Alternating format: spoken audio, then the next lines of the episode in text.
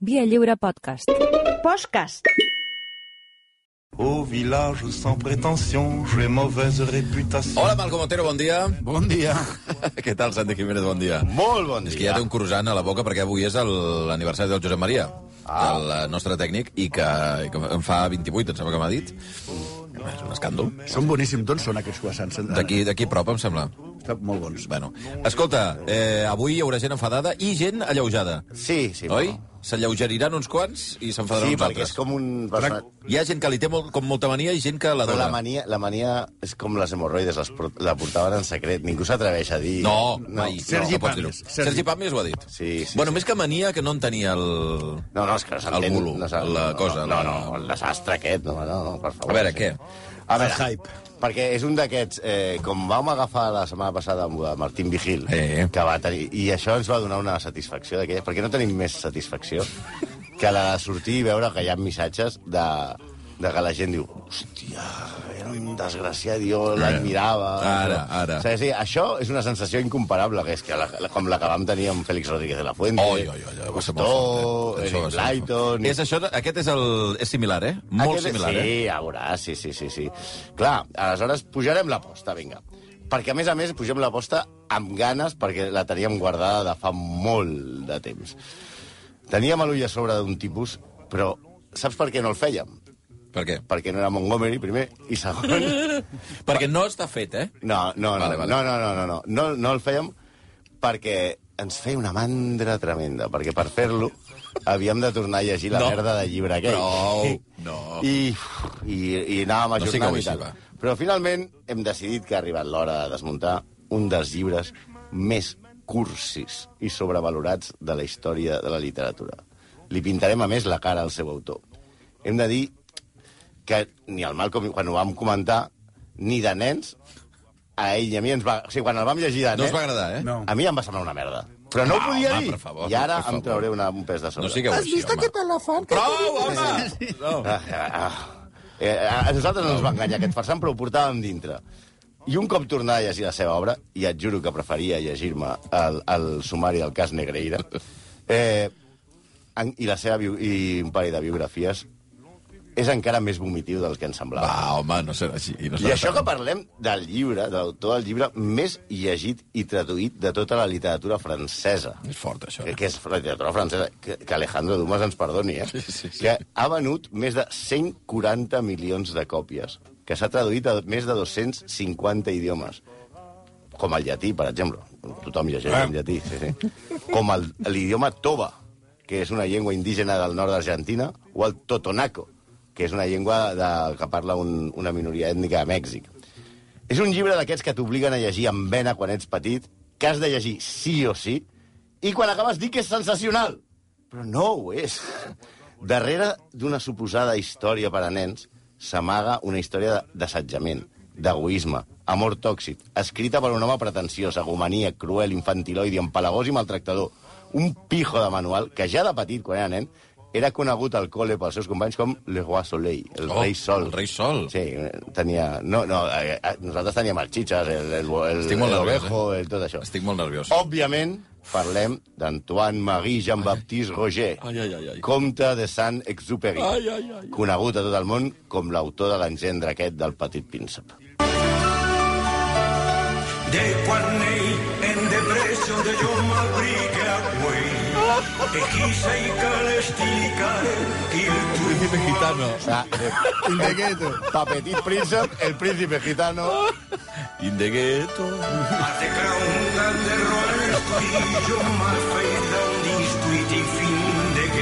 És que, és que, a més, passen els anys i és tan, és tan universal, aquesta cançó. És, és, és meravellosa. És un himne.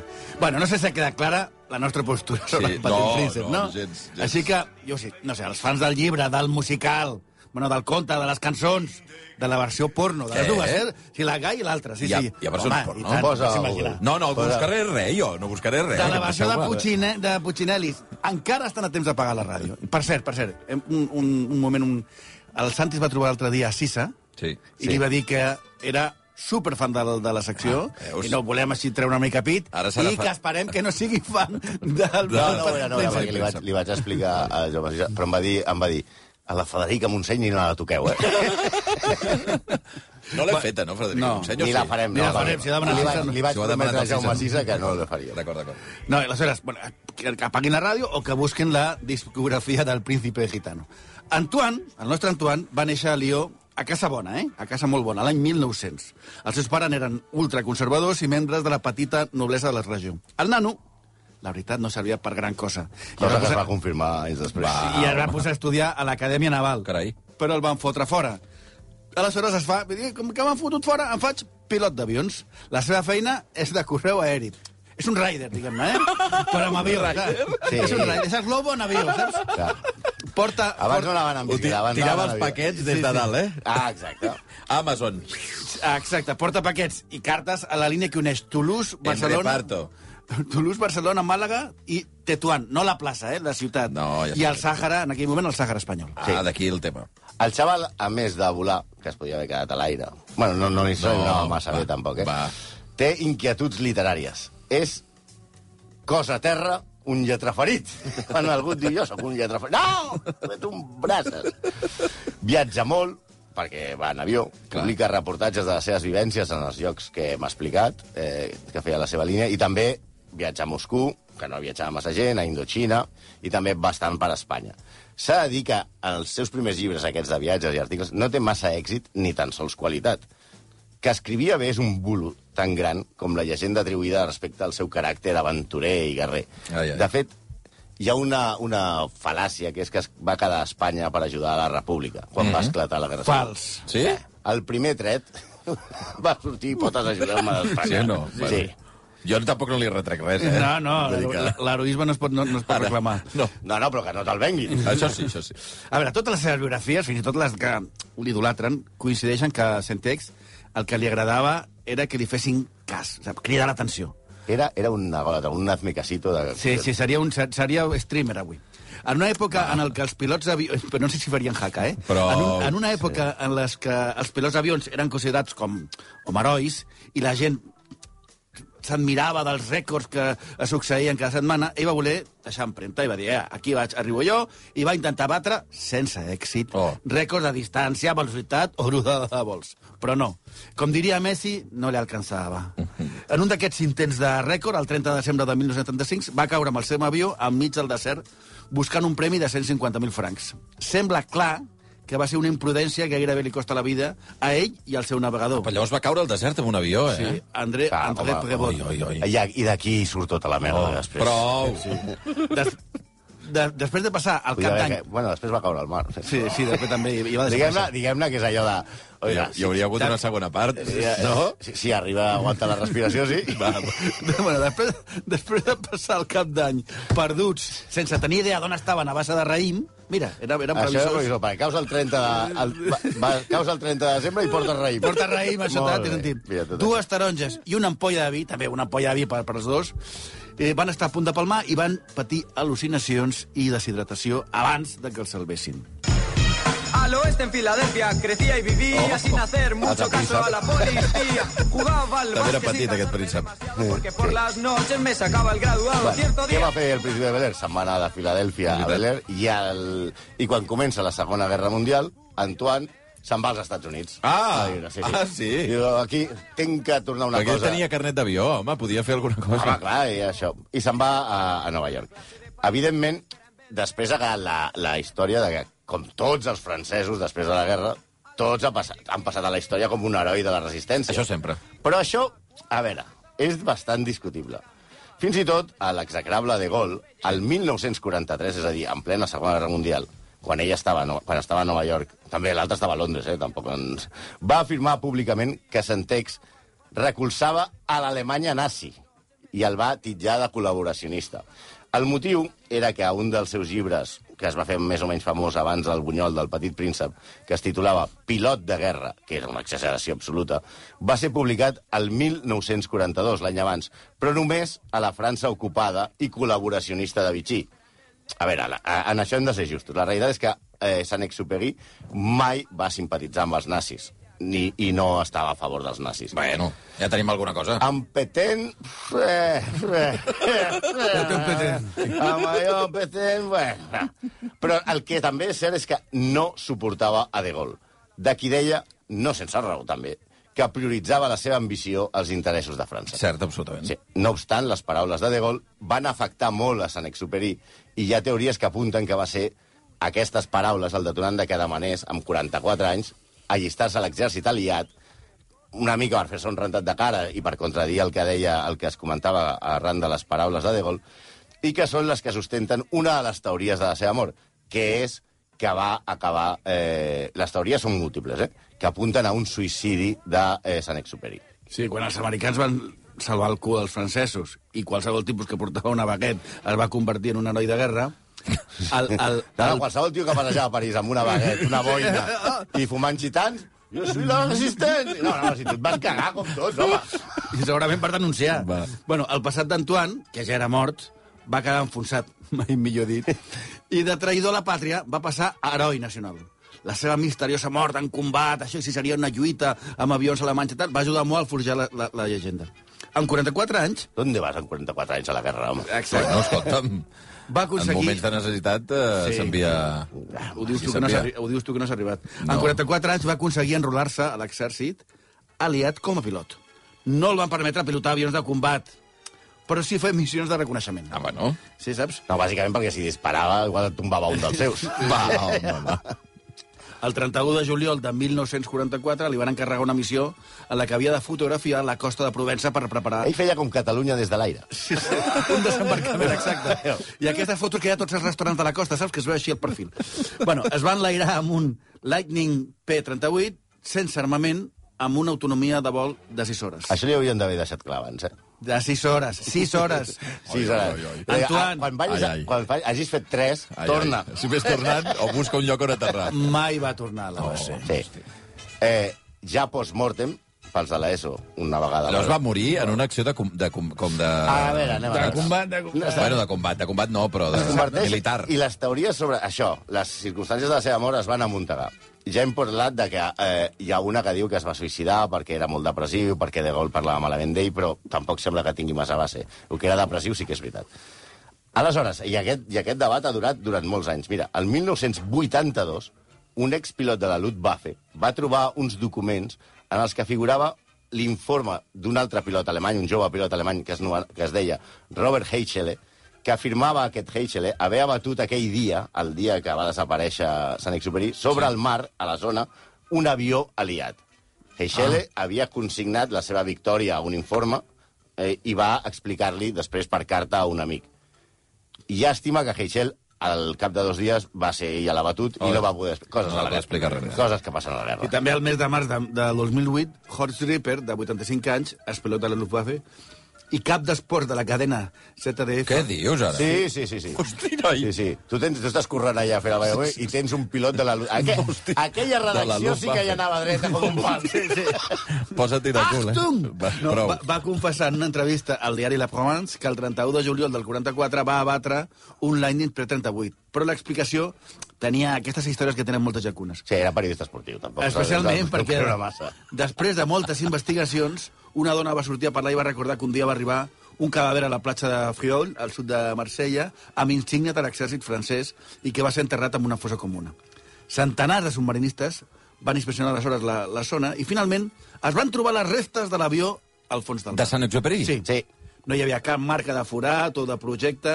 Mai el van abatre. No va Com ser de projecte? combat. De projectil? De projectil, No, no, sí, sí. no, no van de projectil. No, no, vull dir, era, No van trobar que- Estava intacte. Hosti. El, el, el cas que estava, estava intacte. Va, que, és que, que no, que no l'havien matat, que s'havia caigut Sí, l'avió. que, que se li havia acabat la benzina. No l'havien abatut. I, però, eh, ja he explicat el context. Anem a la teca-teca. Comencem... A veure, ara hem de parlar a poc a poc com Carles Porta. De Comencem. Comencem. Comencem.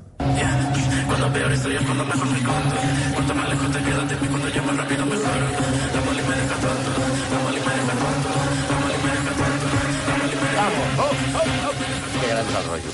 Eh, estan guanyant els partidaris de- d'aniquilar Sant-Exupéry ara mateix, eh? Pues que ho haguessin dit abans, home. Els que no s'han atrevit durant tots aquests Ja. anys. Fins ara hem vist que era un pijo mig. Aquesta música què és? O sigui, Això és rojo. està fent un mal de... cap. Rojo. Rojo. Favor, Eh, home, meravellós. Per favor. Perquè, a més a més, és que això és perquè a l'últim vers de la cançó diu el príncipe de les tinieblas, perseguir amb els prínceps escarosos. D'acord. Vale. Eh, I m'agrada molt el, la tornada de La Moli me deja tonto. La Moli me deja tonto. Va, va. A veure, fins ara sabem que el noi aquest és un azmecasito, un, pitch, un pijo mig col·laboracionista, que va construir una llegenda, un inconscient amb ganes de figurar. Però abans d'explicar per què és un miserable, que ho era, anem al llibre. A veure, el petit príncep, us el recordaré ara que me l'he llegit i el tinc fresc, enganya des de l'origen. Venut com un llibre infantil. Mira, bona. És que no és un llibre infantil. No és un... Mira, No és un llibre. No Bueno, és, sí que és un és un llibre. llibre, És un llibre, llibre com deia la, la Vilanova, perquè té tapes, guió, pàgines i lletres. No, va, no, va, no sé què vull I això es pot considerar llibre. No. I, i, I com diria Sergi Pàmies, que és un de les persones que, eh, que sí que s'ha mullat sobre aquest Sí, tema... ha dit que ell no, no compartia l'eufòria al voltant no, del exacte. príncep. És d'aquells que saps quan el Pàmies parla amb el Clapés i diu què s'ha de dir quan surts de veure aquesta pel·lícula, Sí, no? pues el Pàmies diria que és un llibre en fons i que té sublectura. Sublectura. Sublectura. Tu has de dir això, té subtexta. I amb això ja quedes bé, no? Però, clar, dona peu a tantes interpretacions que qualsevol que es vol fer el llest diu, treu conclusions, clar. I la treuen de frases que tenen tanta profunditat com les declaracions dels futbolistes quan diuen que s'ha d'anar partit a partit, o som 11 contra 11, però amb el filtre de Valdano, Paulo Coelho i Jorge Bucay. És a dir, posaré un exemple. Una frase del llibre que tothom diu, que té A veure. subtext. No es veu bé si no és amb el cor. El que és essencial és invisible. Sí. Mira, mira. Va, escolta'm, home. O altres que... Molt bé, Mr. Wonderful. O altres que donen pistes de la calanya del personatge. Diu, et fas responsable per sempre del que has domesticat. Atenció a la paraula domesticar. Ai, ai. O va ser el temps que vas passar amb la Rosa el que la va fer a ella, tan important. Atenció, que com us explicarem ara, la Rosa té importància gràcies a ell, que és la seva dona, a la qual parla d'ella com a ésser domesticat. Hòstia, no fotis que... Sí, sí, sí. Ai, ai, ai, el, te el tema de la dona, ara arribarem, Ai, però ai, ai, abans ai, ai, ai, ai. parem atenció a un tipus que dibuixava boas que en plena digestió d'elefants... Però quin tripit has menjat, col·lega? No, i que considera que la Bueno, gent... però això no passa res. La- I que la gent pensa que és estúpida perquè no ho entén a la primera. Ai, que penses que és un barret, idiota. Pues sí, sembla un puto barret. Sí. No, és que la gent no ho té Però és que l'essencial és invisible. Sí, sí, sí, clar. I, I, evidentment, però aquest tio que havia vist Jurassic Park, prou, una prou. boa gegant, que quan medeix la boa que es menja un elefant? I, Va, va, va. I que té una És sospitosa... que és la, que, que és la boa de juego, el drac de Juego de Tronos. Sí, sí. També té aquesta tèrbola fixació perquè un adult i, li dibuixi un xai Sí, i, que, això. i donar pel sac dient que el xai està al seu interior. Això, eh, aviam. Xai, Tèrbol. Xai, Tèrbol? la gent... Eh, eh, és que tu tens el xai al teu interior. El xai a l'interior el té el Malcolm, quan surt de l'assador de Aranda. I tu, quan I tu- surts de l'Hispània? No, és l'única manera que un tio pot tenir un xai a l'interior, després d'haver-se anat a Càndido. Ai, ai, ai. Aquestes metàfores, si no us van posar alerta quan éreu joves, eh, preocupeu-vos, però va, és igual. La traca és, com dèiem, la figura de la Rosa. A veure, en el llibre, com sabeu, un aviador cau al desert i es troba un nen tocapilotes i trencacollons que vol que li dibuixin un xai enmig del desert i que pinta serps que mengen elefants. En lloc de donar-li dues bufes, que és el que es mereixia el nen, No, no. l'aviador es fa amic del nen taladro aquest, No. que li explica que, com Carlos Jesús, ve d'un planeta, raticulín segurament, donde hay 25.000 millones de naves a punto de venir... I, i aquest tio Ai, ai. podria sortir al programa del Pepe Navarro, però no amb una novel·la. Sou terribles. On ell cuidava i protegia una rosa amb un, una pantalla, un biombo i una cúpula de vidre. Sí, Però ell un dia es va donar que la rosa, en veritat, s'aprofitava d'ell. sí. En el país aquell també hi havia tres volcans i baobabs. Sí. De fet, com el Salvador, on vivia la seva dona. Més referències. Que la flor Ai, ai. li feia veure que ella era fràgil, que necessitava atenció i amor. Però que en realitat la flor era una mala puta. Sí. La flor era orgullosa. Cau malament, la flor, la rosa, mentidera sí, sí. i egoista. La rosa és la seva esposa, Ai, ai, Consuelo, i ella entenia així ai, ai. les relacions. No fotis. Quan el nen dels pebrots li diu a la Rosa que no el deixa desenvolupar, és que no em deixes créixer, tenim una relació tòxica, la Rosa li diu, anda, vés a cagar i vés a veure món i Sí. planetes i tal. I, i ell, escriu que la Rosa es disculpa perquè és molt vanitosa. I la Rosa li diu, mira, tio, ja em trec de sobre aquest pesat i tot Vés-te'n. això. Vés-te'n. Ella, vanitosa, que, que aquest ganapi amb el criat, però què passa? Que aleshores se sent lliure per ser el centre de l'atenció de l'univers. Mm. Ja no ha de cuidar de ningú, que no sigui, no sigui tan egoista. Què, què podria fer? És a dir, podria anar a de gas, comprar-se una moto, anar amb bici... Jugar no, a pàdel. Jugar a pàdel, però no estava de És moda. allò que fan tots els divorciats quan allò diuen que la dona no em deixes créixer. No, ves que jugar de a Ves a gas. créixer, vinga, amb moto. I ella, en lloc de la luz de gas, es troba un aviador i li diu va, que li pinti xais al Que desert. què fa ell? Pues ell viatja i allà on va, sempre ell és el més gest de la classe. Una mica com un tertulià tipus Sanchis, eh? Visita sis planetes i a tot arreu troba gilipolles. És veritat. Eh, Sí, un home... el més gent és ell, sempre. Eh, sí, ell és normal i la resta va sis Són friquis. planetes i, i els sis planetes són imbècils, menys ell.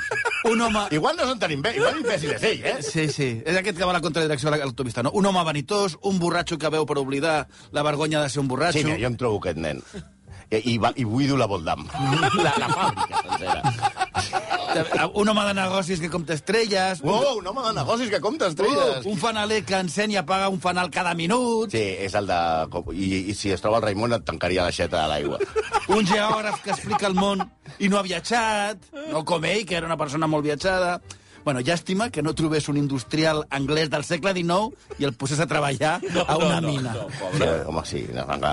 Però si l'argument no fos prou curs i ridícul, la trama acaba amb l'aparició de la guineu, Sí, senyor, la guineu. que ara us explicarem qui és a la vida Ah, real. era algú, eh, la Sí. guineu, eh? Ai, ai. I la guineu li demana que també vol ser domesticada. Sí, Clar, sí, sí, sí. Vull ser domesticada. I per tu, que tu ets meravellós, que coneixes cripolles per tot el món. I ja està.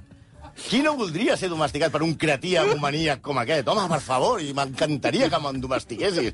Pégame más, per favor. Oh, oh, sí. El nen insuportable té dubtes de domesticar la guineu. Estic ensorrant-me la Perquè ja té un des de arròs a casa, però que l'ha deixat tirada per egoista. Sí, sí. Però la, a la guineu li diu que la rosa només és especial perquè ell l'estima, no per la rosa, sinó per l'amor que ell té per la rosa. Oh. I que l'ha domesticada. I ell també, jo quiero ser domesticado, també. Eh, sí. A veure, traduït al llenguatge normal vol dir que la teva dona té valor perquè tu l'estimes, no per ella. I la domestiques, però que tranquil·lament pots anar pel món domesticant altres espècies que necessiten que les adoris, és a dir, que te'n pots anar a cardar per tot arreu. Era la seva justificació per anar a follar pels puestos, perquè en el fons ell considerava que feia un favor al gènere femení. Però això sí, sempre amb sentiment de culpa. Per això, el rotllo aquest, Macabeu, acaba amb el príncep deixant que el mossegui una serp. Noi, quina fixació amb les serps. Bueno, escolta. Sí, doncs se te la podia, no se't podia menjar com l'elefant. Sí, la serp menja un nen enano i es menja un elefant. I, i, i, i, Que se'n passa l'elefant i el nen només i el el nen no... Després de dir-li a l'aviador que si el vol recordar, només ha de mirar els estels. I recordarà el seu riure incisador. I si em permeteu, ara vaig a vomitar. No, home, no, no sigueu així. ese hombre que tú ves allí,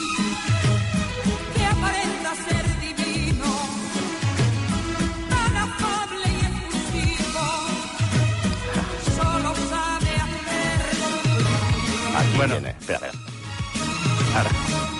Es un gran necio,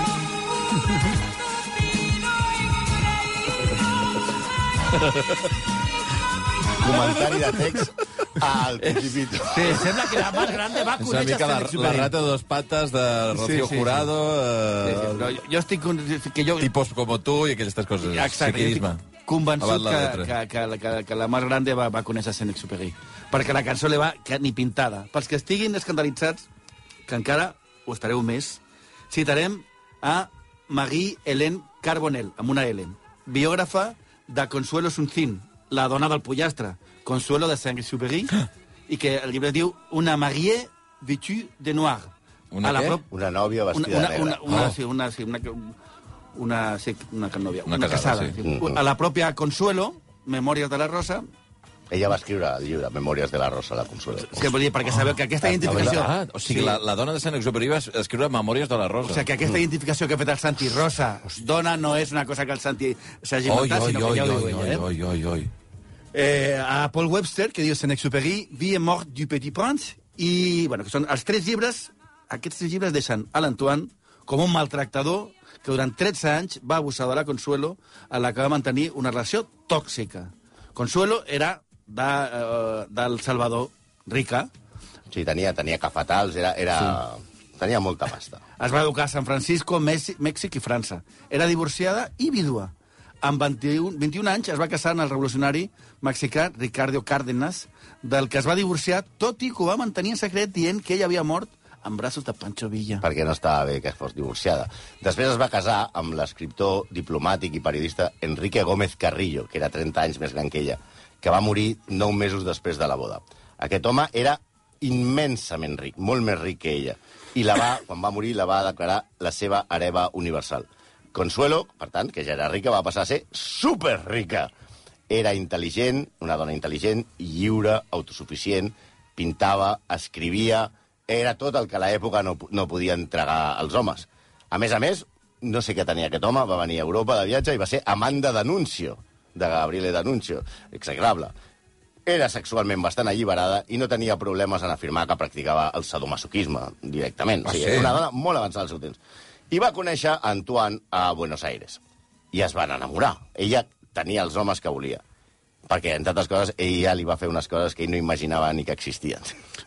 sobre les memòries, les memòries de la Rosa, ella explica com un dia, quan ell portava, ell, ell la portava en un avió, li va demanar matrimoni. A, a dalt de l'avió. Sí, Sí. Ven aquí, churri, que te llevo. Sí, ara que estamos volando soy- por que soy encima del piloto. océano, que soy piloto. Que soy- I mira com va Imatge fer. més, I- més de mascle alfa, eh? I realment. i espera't. Mira, sube, sube a mi avió. Sí. Ella, ella es va negar, i què va fer ell? Va deixar els comandaments de l'aparell. Que es va negar què? A- Ella va dir que no volia casar-se no, amb que ell. aquí a l'avió, aquí no és el moment, ja va dir, ah, no, pues mira, no agafo els comandaments de l'avió. I va deixar caure en picat l'avió.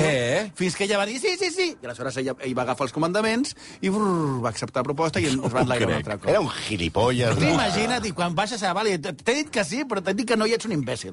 Bueno, aquest va ser l'inici dels problemes. La família de Saint-Exupéry considerava la Consuelo, que era multimilionària, una, una, una tia que, busca, com que ella era rica, que buscava títol nobiliari. Mm, Una aprofitada. Una aprofitada, sí. La germana d'Antoine, Simone de Saint-Exupéry, es referia a ella com una golfa i una comtessa de pel·lícula. Sí. Ella, més, l'enganyava amb totes les dones que podia. Es va gastar part de la fortuna de la seva dona en farres, amants i prostitutes. Fora del seu cercle íntim, ningú sabia que estava casat perquè ho portava en secret. Quan vivien a Nova York, Antoine li va suplicar a Consuelo que anés a viure amb ell. Hi ha un llibre que recull també mm, les, la, les cartes que es deien i li escrivia coses com sufro, mm, no em puc sentir exiliat del teu cor. S'il vous plaît. Sí.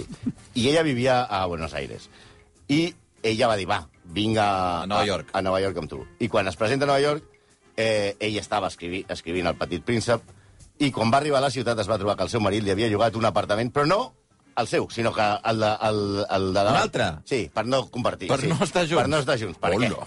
Perquè ell tenia les seves coses. Ella estava molt centrat en escriure la turra aquella que, a, a base de gin tònics, eh, eh, cigarretes i muffins. Es veu que es va alimentar bàsicament d'això, mentre escrivia El petit príncep. Tot va quadrant. Antoine compartia el pis també amb un escriptor francès que es deia Denis de Rougemont, que és un autor d'una obra més o menys coneguda que es diu L'amor occident, que és la guineu de la novel·la. És la guineu. Ell tenia un amigote, que és aquest eh, Rogemont, que és el que li diu que la Consuelo només és important perquè ell l'estima, perquè si no la Consuelo no seria res, i que ell és el que li posa al cap la idea de que tu has domesticat a la Consuelo, que era una dona molt lliure, i ara ve aquí quan tu vols i l'has domesticada. Home, tan domesticada com que va allà i, i s'agafa l'apartament del costat i no el teu perquè no... De veritat, que la Consuelo no res, i que si te me pones otra copa. oh. I seguien vivint. Sí, deixem el Que tema, fort. no? Bueno, en, també en aquell temps té la seva amant, diguem-ne, més oficial, Nelly de Boc, que durant anys mai va saber que el seu nòvio estava casat. Ell pensava que la Consuelo pues, era una noia més i es referia com la Garce, la fulana. Nelly també va escriure un llibre sobre l'escriptor que va signar en pseudònim, amb el pseudònim de Pierre Chevrier, que reconeixen que la majoria d'amics d'Antoine mai van sospitar que estava casat. Sí. Tots aquests llibres van crear una gran commoció a França, perquè la imatge de l'aviador era, home. i escriptor era gairebé la d'un sant. Uns estudis super, eh, posteriors eh, que van a favor i intenten explicar per què Saint-Exupéry eh, feia aquestes coses, eh, intenten justificar-lo.